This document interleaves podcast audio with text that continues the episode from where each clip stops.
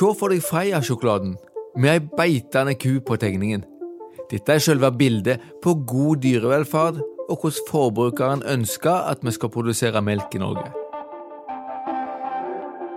Å la kua høste fôret sjøl er både billig, bra for dyrevelferden og super reklame for melkeproduksjon. Likevel går beitebruken i Norge ned. Utfordringen er ofte å holde oppe produksjonen, ikke høyt utdannet kyr på beite, som varierer i kvalitet gjennom sesongen, og har nok areal til beiting i nærheten av fjosen. Vi har alltid hatt lite areal, og spesielt i nærheten av bygningene, så derfor har det vært viktig for meg at uh, vi tar maks avling på det som er beita. Tidligere melkeprodusent Jørn Viste har lang erfaring med intensiv beiting med melkekyr. I dag skal vi snakke om hvordan du kan produsere melk på beite, og hva som må til for å lykkes med et godt produksjonsbeite. Mitt navn er Magnus Haugland, og du hører podkasten Bondevennen.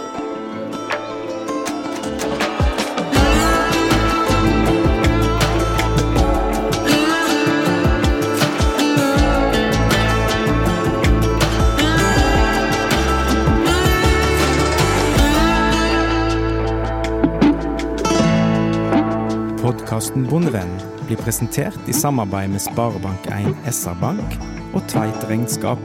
Vi bidrar til at bonden lykkes.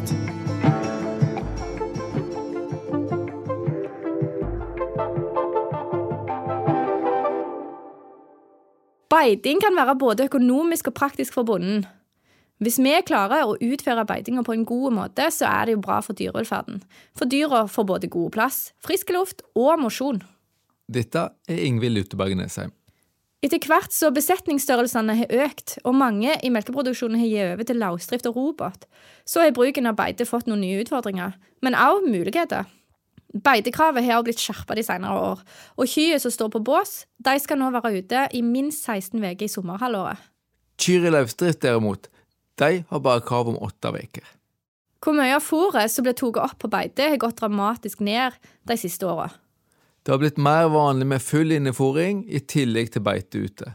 Og da er det mer snakk om lufting enn beiting, egentlig. For at vi skal kunne kalle beite et produksjonsbeite, så må minst 50% av grovfòropptaket skje ute på beite. Og det krever jo gode beiter. Hvor mye areal som trengs for å få det til, det vil avhenge av hvor mye beite yter. I episode seks, der vi snakker om kulturbeiter, sa vi at gode kulturbeiter kan gi like mye avling som ei god, fulldyrking. Når vi skal melke på beite, så er vi helt avhengige av å ta store avlinger i beitene for å klare å holde en høy melkeproduksjon. Mange beiter derfor på fulldyrka areal hvis ikke de har tilgang til gode kulturbeiter. På gode beiter kreves det halvannen til to dekar per ku tidlig i sesongen, og kanskje opp mot tre-fire dekar per ku når produksjonen i beite reduseres utover i sommeren. Gode beite krever at vi får gresset til å vokse godt. Vi må liksom ha to tanker i hodet på en gang her. Vi må styre beitinga, sånn at kua alltid møter både nytt og fristende beitegras når hun kommer ut.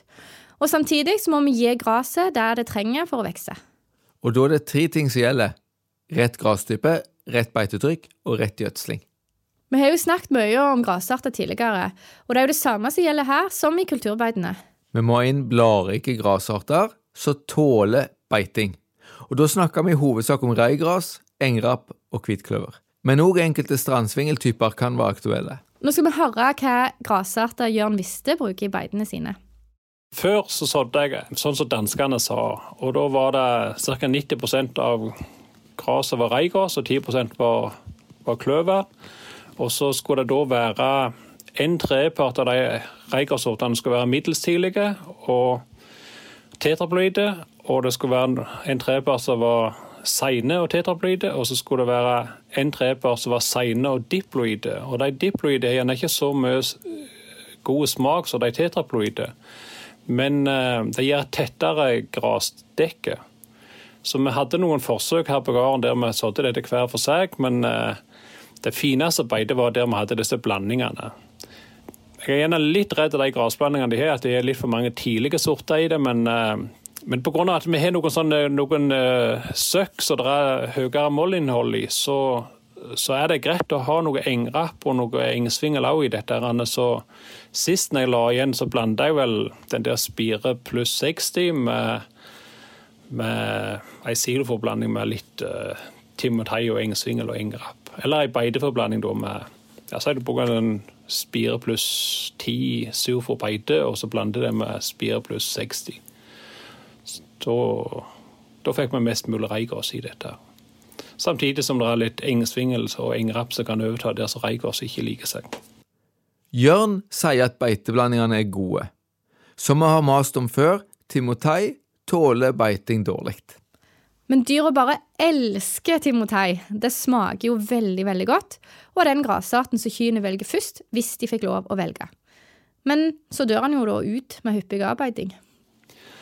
Ja, Vi slår så tidlig at uh, vi regner nesten timoteien som en slags dekkvekst. Sånn at uh, det, hvis vi skulle få en knallhard vinter, så er det iallfall noe til førsteslåtten. Og så kommer som regel alltid reigåsa litt utover i sesongen, da. Både Fisker sin blanding nummer 19, Felleskjøpet sin Spire 60 og Spire 90 er aktuelle blandinger for mange som skal beite. I Spire 90 så har vi òg med kløver. Kløver er jo en interessant beiteplante. Men i land som driver intensivt med beiting, sånn som Danmark og Nederland, så fikk de, etter de hadde beita mange år på kløver, problem med kløvertrøtthet. Og kløvertrøtthet det er når sopp og særlig nematoder gir sykdom og dårlig vekst på kløveren. Og da må en ha noen år uten kløver for at nematodene skal dø ut.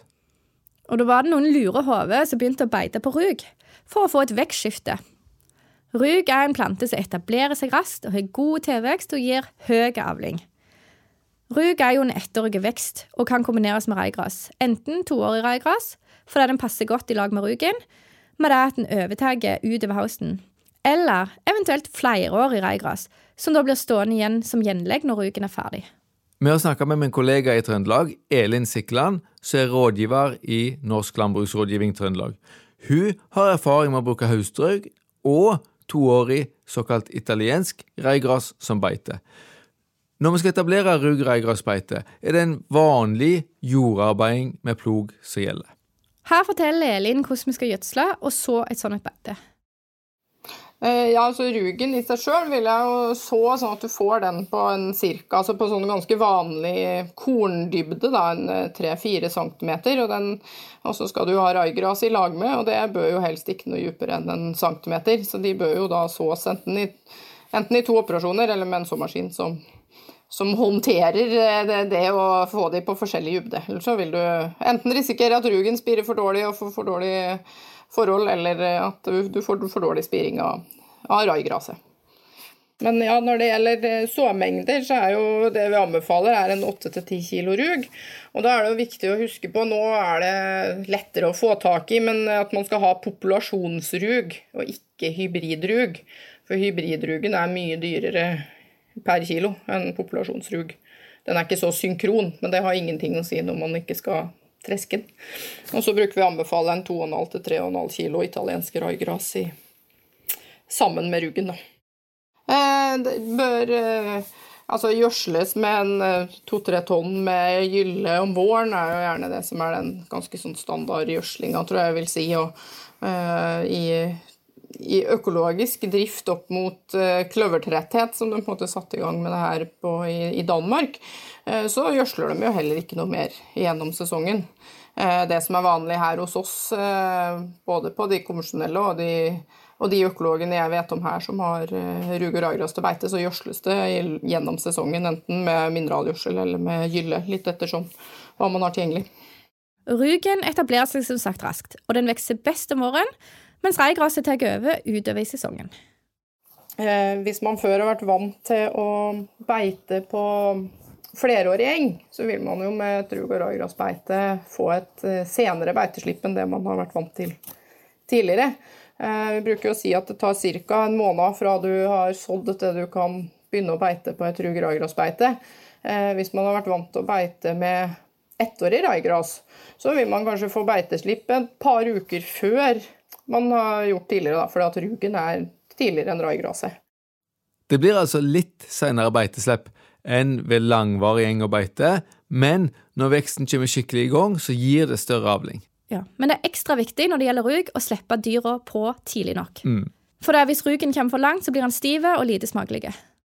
Du vil jo få mer vraking, så klart, eller altså mer nedtråkking eh, i første omgang. Og så vil du jo få eh, Jo lenger, lenger, tid det går, enten både til beiting eller til beitepussing etter hvert, så vil jo rugen kunne gå opp i strå. Altså Han er jo en høstrug sådd om våren, så i utgangspunktet så setter jo ikke den mye strå gjennom uh, sesongen. Men når han blir beita litt på og trigga litt, så vil du få en del som går opp i i, med aks. da. Uh, de vil nok ikke bli modne, men uh, det vil komme opp i aks. Og det vil jo dyra vil jo ikke spise en sånn grov rugplante. Så hvis du vil holde rugen på, på si, det vegetative stadiet, da, eh, beitestadiet, så må man passe på å beitepusse og holde den sånn at han holder i gang den buskinga si da, ned på bladvekststadiet.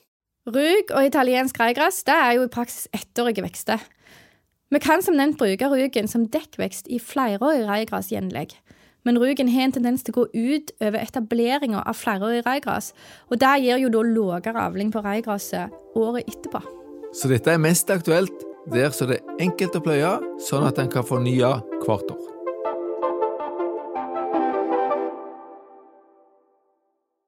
Rett beitetrykk er veldig viktig for å få til et ydrikt beite. Flerårig reigras og andre beitegras blir stimulert til å vokse av hyppige avbeiting. Reigraset heller mye lenger når vi beiter det enn når vi slår det. Få store slåtter røyner mer på reigraset enn mange små slåtter. Og beiting er Når du lager så mye sideskudd, så er det noe som er nytt hele veien ned i bunnen der. Det er altså viktig å ikke beite gresset for hardt. Da kan vi få dødbiting, det betyr at vi beiter grasplanten så langt ned at gresset begynner å visne. Da dødbiter du gresset. Altså, for at reigraset skal ha maks vekst, så bør det ha tre blad. Når det får det fjerde bladet, så visner det det første bladet. Og Hvis du klarer å holde det på sånn ca. 2,5 blad hele veien, så da, har du maks tilvekst på, på reigrasbeite, sier engelskmennene. Og Hvis du da beiter det sånn at det blir for kort, så um, ja, Poenget er vel at når du har tre Når, når gresset får tre blad, så begynner det òg å danne sideskudd. Så når du beiter så kort gras, så er det gresset sin evne til å danne sideskudd som er det som gjør at du får noe mengde med gras. Så det er ikke det at du får lengde på gresset, men det er at det danner sideskudd og blir et veldig tett teppe. Og og Hvis målet i begynnelsen av sesongen er 8-9 cm, så er det når du da er 1 eller 2 cm under det derene, det er da du skal begynne å reagere. Og, så hvis målet var eh, Hvis det var 8 cm og du er nede på 6 så kan det godt være at du må ta inn kyrne og så la de stå inne to-tre dager, sånn at gresset finter seg inn. Det er òg viktig at de ikke vokser over og går i skudd. Ja, for begynner gresset å skyte, altså sette stengel, da raser energi- og proteininnholdet, og dermed òg melkemengden til kua. Kyrne vil ikke ete alt gresset, og du får masse tuer med vrakgras i beitet ditt. Det er viktig å overvåke grasveksten nøye for å unngå dødbiting og vragras. Og da kan beitemåler være et nyttig verktøy. Eh, høyden på gresset, da bør en bruke en sånn en grasmåler som du gjerne ser fra de britiske øyer og New Zealand og sånt, at det, det er omtrent som et spannalåg som du legger ned på gresset, og så har du et hull i det spannalåget, og så måler du med et metermåler gjennom der da. Uh, det finnes digitale. Jeg har en i plastikk, så, jeg bare leser av skalaen direkte. Så går du bare på skrå over stykket, og så ser du sånn noenlunde. og Har du sånn en digital, så kan du sikkert få sånn et eksakt tall på hvor høyt det er. Eh, Vragras det måler du ved å gå på skrå over stykket, og så går du 100 skritt. og så For hver gang du trør over gras som er vraga, så, så, så, teller du det. da. Så, så I begynnelsen av sesongen skal du kunne gå 100 meter, og så er det bare 5 meter av de da som skal være bra på. Det finnes jo også digitale beitemålere der måleren sjøl summerer og gir deg et gjennomsnitt av beitet. Og det kan jo være veldig kjekt verktøy der for å få en effektiv måte å finne ut nøyaktig når det er lurt å flytte dyra til neste beite, for å få mest mulig avling. Vi ser jo ofte at mange slipper dyra for seint, altså når gresset har blitt for langt. Normalt er beitegresset best fra 15 til 5 cm, men tidlig på våren kan det være lurt å slippe enda tidligere, gjerne fra 8 til 10 cm, fordi grasveksten da er så rask. Ja, da rekker jo ikke kyrne å beite alt før det går i strå. Mm. Og for å få dette til, så finnes det ulike beitemetoder for å styre beitinga på en god måte. Vi skiller ofte på kontinuerlig beiting, som er når du slipper dyra på et stykke og lar dem gå der. Skiftebeiting, som er når du deler beitet inn i ulike skifter og veksler mellom dem. Og stripebeiting, som er når du utvider beitet med en ny stripe hver dag, sånn at dyra alltid kommer ut på nytt og friskt beitegras. Å bare slippe dyra på et stort areal uten noen form for styring, det vi kaller fri, kontinuerlig beiting, det er mest brukt i ekstensive driftssystem, sånn som til gjeldkyr, kviger eller ammekyr. Hvis en derimot driver med styrt, kontinuerlig beiting, som er vanlig f.eks. i Danmark, kan en få til store avlinger og intensiv beiting med denne metoden. Dette har Jørn visst god erfaring med. Ja, jeg, er, jeg er inspirert av noe som i Danmark blir kalt for regulert storfold. På norsk blir det kalt for regulert kontinuerlig beiting. og Det betyr at vi beiter gress som er en, I begynnelsen av sesongen så er den 8-9 cm høyt, og så går vi ned til en 6-7, og til slutt er vi nede på 5 cm. Og så regulerer vi det òg litt ut ifra hvor mye vragras det er på beite. Så I begynnelsen av sesongen så er det gjerne 5 og så er vi oppe i 15% Og så prøver vi å unngå at det blir 25% for det betyr jo at en fjerdepart av arealet er uproduktivt. Og så når det er gresset begynner å skyte gjennom i disse vrakgrasflekkene, så så pusser vi det av. For da er det ikke noe vekst lenger der nede. Så er det greit å bytte mellom slått og beite òg. For da kan du hele veien holde noe høyere graslengde og mindre mengde med vrakgras. Og det blir mer interessant for kyrne å ete på det. Så det beste er hvis du kunne beite fra våren et stykke fram til første slått og ta en tidlig første slått, og så slippe kyrne på den nye teigen etter første slått. Og så ta en slått på det som du bedte i mai. Og så når du da tar en slått til på den da, i lag med andre slåtten, så, så beiter en hele arealet etterpå. Da føler en òg litt mer den kurven som er for uh, uh, grasproduksjon per dag per dekar.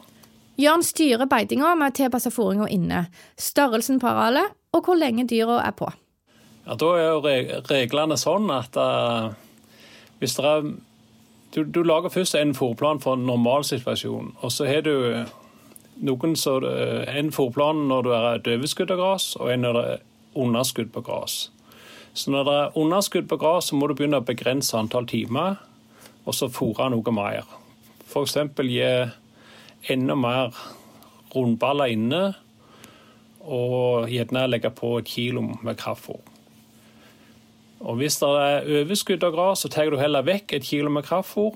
Og hvis det begynner å bli veldig gale, eller du begynner å frykte at det kan bli litt mye gras, så slipper vi det ut på, på nattestida òg. Og da er det jo mindre silo inne. En annen metode er skiftebeiting.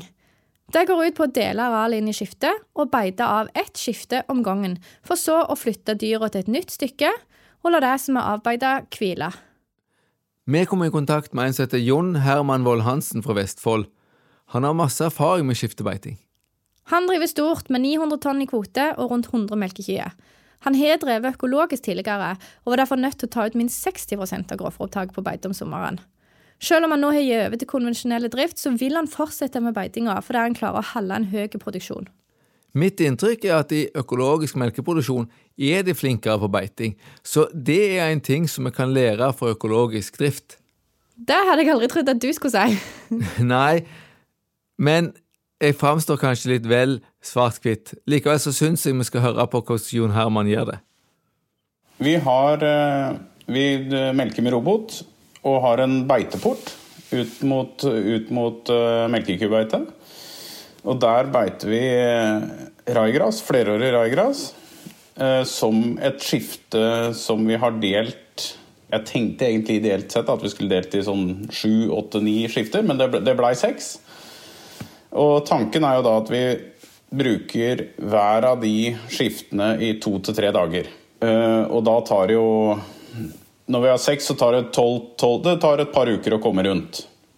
Og da får, eh, da får jo gresset tid til å hvile, det får tid til å ta seg igjen. Og vi får forholdsvis uh, høyt gress når vi, når vi slipper kuene utpå, sånn at de kan beite effektivt. Så de kan gå og beite raskt, få spist fort i det, i det, mest næringsrike plantematerialet. De slipper å gå og leite, og de slipper å gå og subbe bakken, holdt jeg på å si.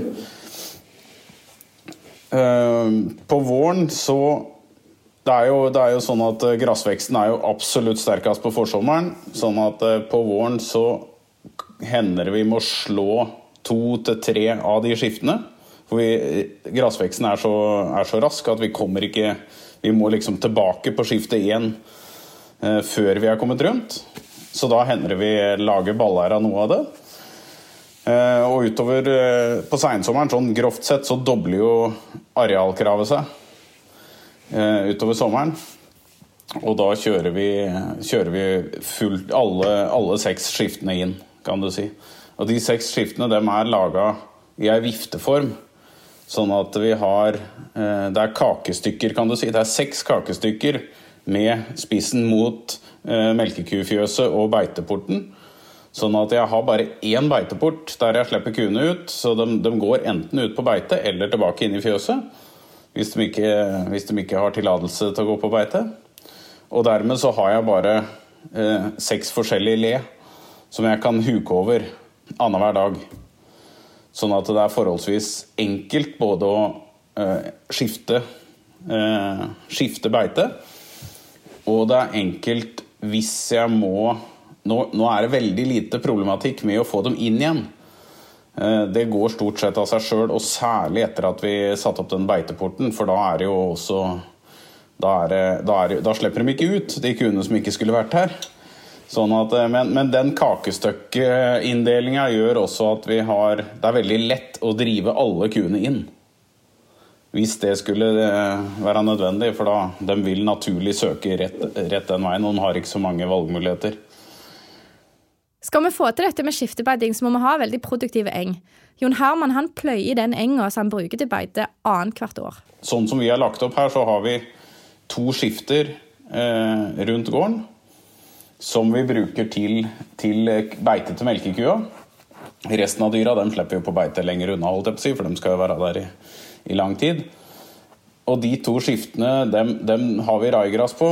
Utfordringa hos oss er at raigraset er litt varierende på overvintring.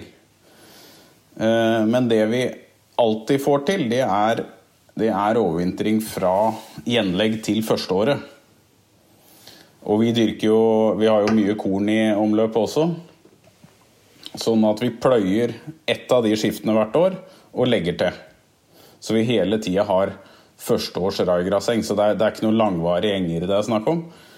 Men det er høyproduktive og ferske enger med de fordelene og ulempene det har. De, jo, de produserer mye, men de, eh, i, i perioder med mye dårlig vær så er det klart det kan være utfordrende i forhold til at de ikke holder så godt. da. Skiftebeiting krever jo mer inngjerding, da. Ja, men det er ingen dyr det er så lett å gjøre for som melkeku. Nei, Vi har brukt eh, enkel strømtråd til, eh, til kuene. Bare, bare eh, enkle engangs, eller ikke engangs, men de er plastikkpinnene og én tråd. Sånn at til melkekuene så er det jo mer, mer et symbolsk gjerde, kan du si. Det er, det er, litt strøm på det på forsommeren, altså. og så går det stort sett greit. Nå har jeg en tanke om at vi skal Vi har en del Nofence-klaver som vi bruker på utmarksbeite. Som har fungert veldig godt, og jeg ser jo det det, det er en stor investering, men det er klart det hadde, det hadde vært veldig elegant å kunne bruke det i en skiftebeitesammenheng. Da. For da kan, vi, da kan vi jo hele tiden justere, og vi kan bruke et større areal. Ny teknologi gir oss jo nye muligheter til å utnytte beitene bedre. Nofence kan revolusjonere beitinga, ikke bare i utmarka. Med Nofence så kunne man stripebeite og tilbudt nytt beitegras til kino hver eneste dag, kun med et tastetrykk på telefonen. Skulle tro at du var sponsa av Nofence. Nei, men jeg har sett opp noen kilometer med gjerde i mitt liv.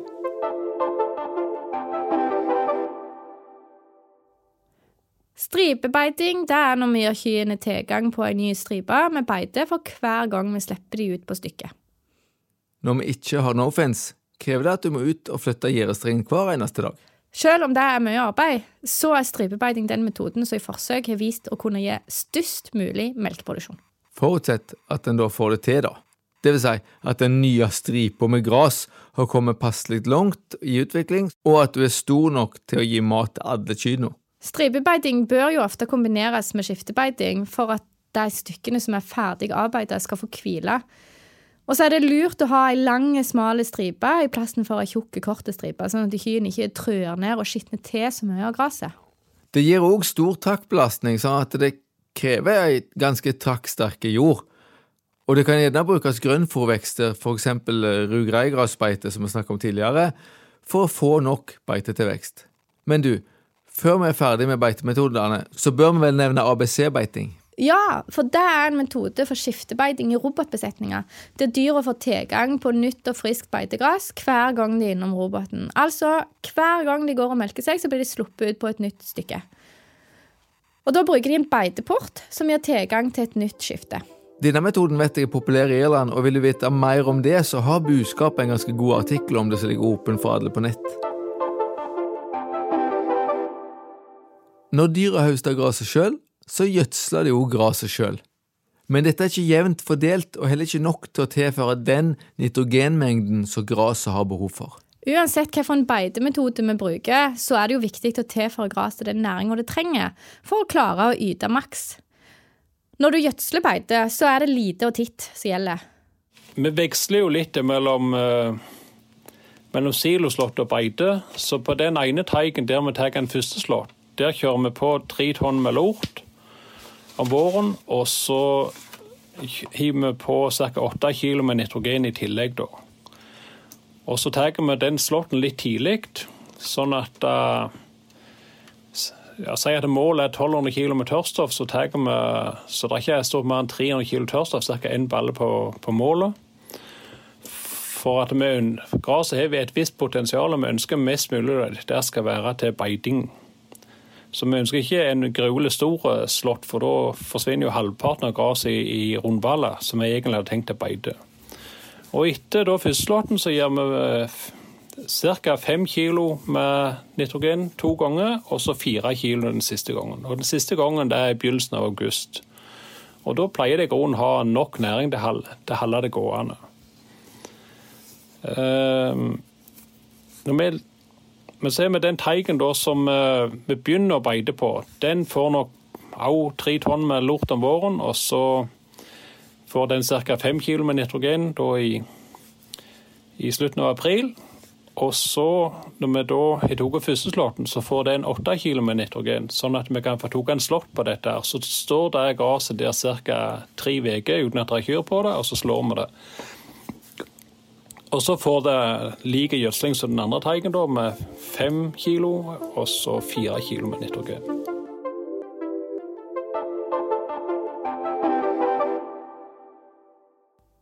Får vi til dette med gode beiter der gresset vokser godt, så legger vi jo til rette for at kua kan nyte. Men det er fortsatt ting vi må passe på i forhold til dyret, sånn at dette vil fungere i praksis. Jeg ser jo for meg ei lykkelig ku som blir sluppet på beite for første gang om våren. Da halen til værs, så det hopper sprett og tjo og hei. Og det blir jo arrangert kuslepp som underholdning på enkelte gårder. Ja, og første dagen på beite så bruker de jo ikke mye tid på å ete og ligge. De er veldig opptatt med å nyte den nye friheten og utforske området. Og det blir det ikke mye melk av. For å unngå en knekk i melkeproduksjonen når du slipper ut, så er det viktig med gradvis tilvenning. Først og fremst så må vi være nøye med å gi mye godt grovfôr før vi slipper de ut, sånn at de ikke kommer ut på tom mage. Det grovfòret bør være tidlig slått, med mye fordøyelig fiber, sånn at det ikke blir så stor kontrast til beitegresset. Og så kan vi gjerne bare slippe de ut tre-fire timer den første dagen, før en gradvis øker tida de får på beite. Beiteslepp er jo forbundet med en del problemer. Høy eller lav urea, dropp i fettprosent og survom. Og Det viktigste vi kan gjøre for å minske problemene på beite, det er å tilpasse det fôret de har inne, i tillegg til beitegraset. Og Ingvild, jeg tror vi skal presisere at vi snakker om produksjonsbeite, der opptaket for beite er minst 50% av grovfòret. For det er jo litt annerledes hvis det eter nesten hele rasjonen sin inne uansett. Ja, det har mye bety hvor mye av dette som er beitegras. For når en stor del av rasjonen er beitegras, så må vi i nesten alle tilfeller redusere på kraftfôret, siden beitegras er så ungt og derfor inneholder mindre fiber. Og det er jo for å unngå sur vom. Men kua har en fantastisk evne til å nytte seg av ungt beitegras og tidlig slå grovfôr, så lenge hun spiser masse av det og ikke får for mye kraftfôr i tillegg. Da vil jeg at vi skal høre hvordan Jørn Viste regulerer innefòringa når han har dyra på beite. Da vil jeg helst ha et som har en plass mellom 17 og 20 med råprotein. Og høy fôrenhetskonsentrasjon, gjerne 0,95 eller høyere. Sånn at det, det ikke er noe veldig stor fôringsmessig forskjell om det er beite eller om det er silo inne. Så noen snakker plent om at det skal være strukturrikt. Det bryr jeg meg mye mindre om, fordi at når vi begynner å snakke om at, vi eter, at kyen spiser 8 kilo tørrstoff på beite og 7 kilo tørrstoff med silo inne, så har vi jo 15 kilo med tørrstoff. og Om det så bare var 400 gram da, i dette, så er det ganske mye fiber allikevel. Og det er fordøyelig fiber. Så det er, det er veldig lite vits å fôre dem med fiber som de ikke kan fordøye, syns jeg. Før så var vi nok mer opptatt av at det skulle stå en en uh, høyhekk med halm som de skulle ete. Men uh, det viktigste er bare at det er nok grovfôr av en veldig god kvalitet. Og da, og da bruker vi heller ikke roepellets lenger. Nå er det kun korngrøp, så vi får i det mest mulig stivelse fordi at mengden med kaffe er såpass liten, så da må vi gå i konsentrasjon på stivelse. Et viktig poeng her er at det fôret de får inne, skal ligne mest mulig på beitegraset. Det er for å få dyra til å ete mest mulig av det. Beitegras er jo så snop for kua, så hvis du da kommer inn og får servert stive strå, særlig hvis det ikke har topp gjæringskvalitet i tillegg, så vil du pirke i maten, og heller vente på det gode beitegraset så du vet du får når du kommer ut igjen. Og det er òg en fordel med det hvis kyrne må stå inne en dag eller to pga. dårlig vær. Ja, for hvis kvaliteten på innefôret da er mye svakere enn beite, så vil jo melkemengden bare droppe hvis de må stå inne noen dager og ikke få tilgang på beite. Men hva om tanklappen forteller at urea skyter i været eller fettprosenten stuper? Høy urea det kan jo tyde på at det er for mye protein i fôrrasjonen, eller at det er for lite lett tilgjengelig energi til å utnytte det proteinet kua får.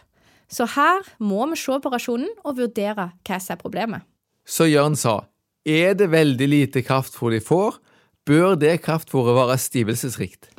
Ja, for mangler det lettløselig stivelse, så kan det være vanskelig å utnytte det lettløselige proteinet som er i beitegraset. Og da kan urea bli høyere av den grunn. Men hvis det er både fettprosenten som stuper, og ureaen blir høy, så kan det tyde på at det er for lite fordøyelig fiber og for mye protein. Da kan kraftfôr som inneholder roer, fungere bra, sånn som roetopp og roesuper. Ja, for de inneholder jo både mye fordøyelig fiber, samtidig som man er lav på protein. Så mange har god effekt av roe i kombinasjon med beite. Men klarer du å få til et høyt opptak av både beitegras og det grovfôr du gjør inne, så er det ikke alltid nødvendig. Men noen ganger får vi òg veldig låg urea på beite, særlig ved beiteslipp. Er det kalde nettet og mye sol om dagen, så får vi en veldig høy sukkerproduksjon i plantene. Både i gras, men også i frukt og bær. Som er litt av grunnen til at vi har så veldig søte jordbær og epler i Norge, siden vi har kalde netter og mye sol om dagen. Men når vi får mye sukker, så får vi mindre protein. Hvis det er nesten ned imot, eh, null på nettene, så stiger sukkerinnholdet ekstremt mye. Og da får du òg veldig sånn blaut avføring på kyrne. Så da kan det òg være en god grunn til å begrense eh, beitetida, fordi at da får du i de litt mer silo inne, og du unngår gjerne at de får ei skjede fordi de har for mye sukker i fôret og for lite protein. Det med fôring ved beiteslipp og i beiteperioden, det kan altså være lurt å samarbeide med en fôringsrådgiver om.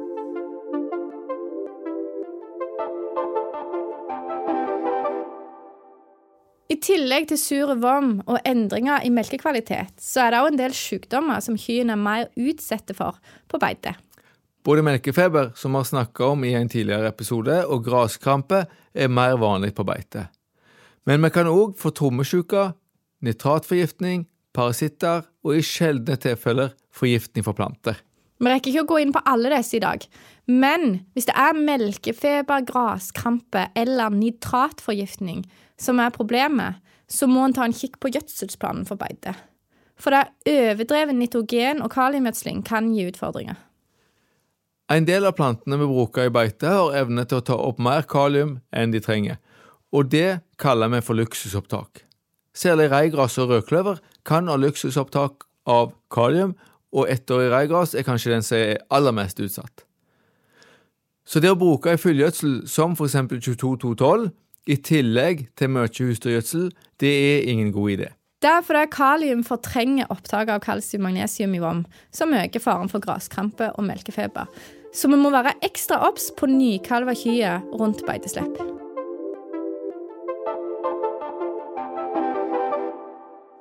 Når du melker morgen og kveld, er det enkelt å jage dyret ut og lukke grinda mellom melkingene.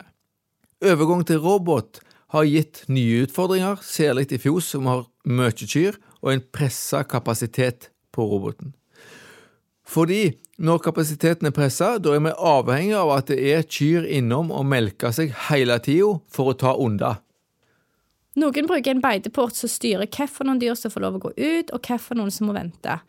Og Her kan vi stille inn sånn at dyr som snart burde melkes, blir holdt igjen inne til de har vært i roboten. Andre åpner døra og lar dyra styre seg sjøl, og har god erfaring med det.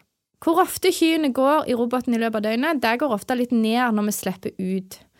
Hvis mange av dyra er ute samtidig, så blir det jo ofte kø i roboten når de kommer inn.